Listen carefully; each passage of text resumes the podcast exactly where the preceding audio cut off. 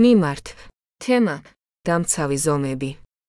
ძვირფასო მადამ ბატონებო.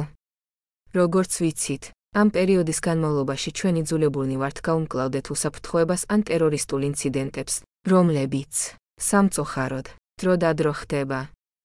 როდესაც ადამიანი თავს დაესხმება საზოგადოებრივ ადგილზე, არსებობს რეაქციის ორი ვარიანტი, როგორც მოგეხსენებათ.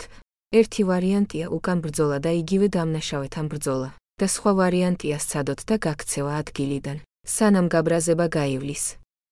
ამასთან, როდესაც საქმე ეხება შეზღუდული შესაძლებლობის მქონე პირს და კიდევ უფრო მართალია, როდესაც საქმე ეხება ინვალიდის ეტლით შეკრული პირს, ამ ორი გზადან არც ერთი შეუძლებელია. თქვენი შეკითხვა: მოიფიქრა თუ არა რაიმე იარაღის ან იარაღის შემუშავება, რომელიც ხელს შეუწყობს შეზღუდული შესაძლებლობის მქონე პირს, თუ და როდის მოხდება იგი ასეთ სიტუაციაში. და რამდენადაც ასეთი იარაღი ღიაა ტექნიკურ დონეზე. განვიხილოთ, თუ როგორ უნდა ჩამოაყალიბოთ კრიტერიუმები და ტესტები, რომლებიც მიზნად ისახავს, თუ რომელი შეზღუდული შესაძლებლობის მქონე პირებს ექნებათ წვდომა ასეთ იარაღზე, და ეს გამოწვეულია თავდაცვის ამგვარი უფლების ბოროტად გამოყენების გამო. ან ეს არის ბოდვითი და გიჟური იდეა, ან ეთიკურად ან მორალურად მიუღებელი, რომელიც არ არის რაიმე სახის ღირსი.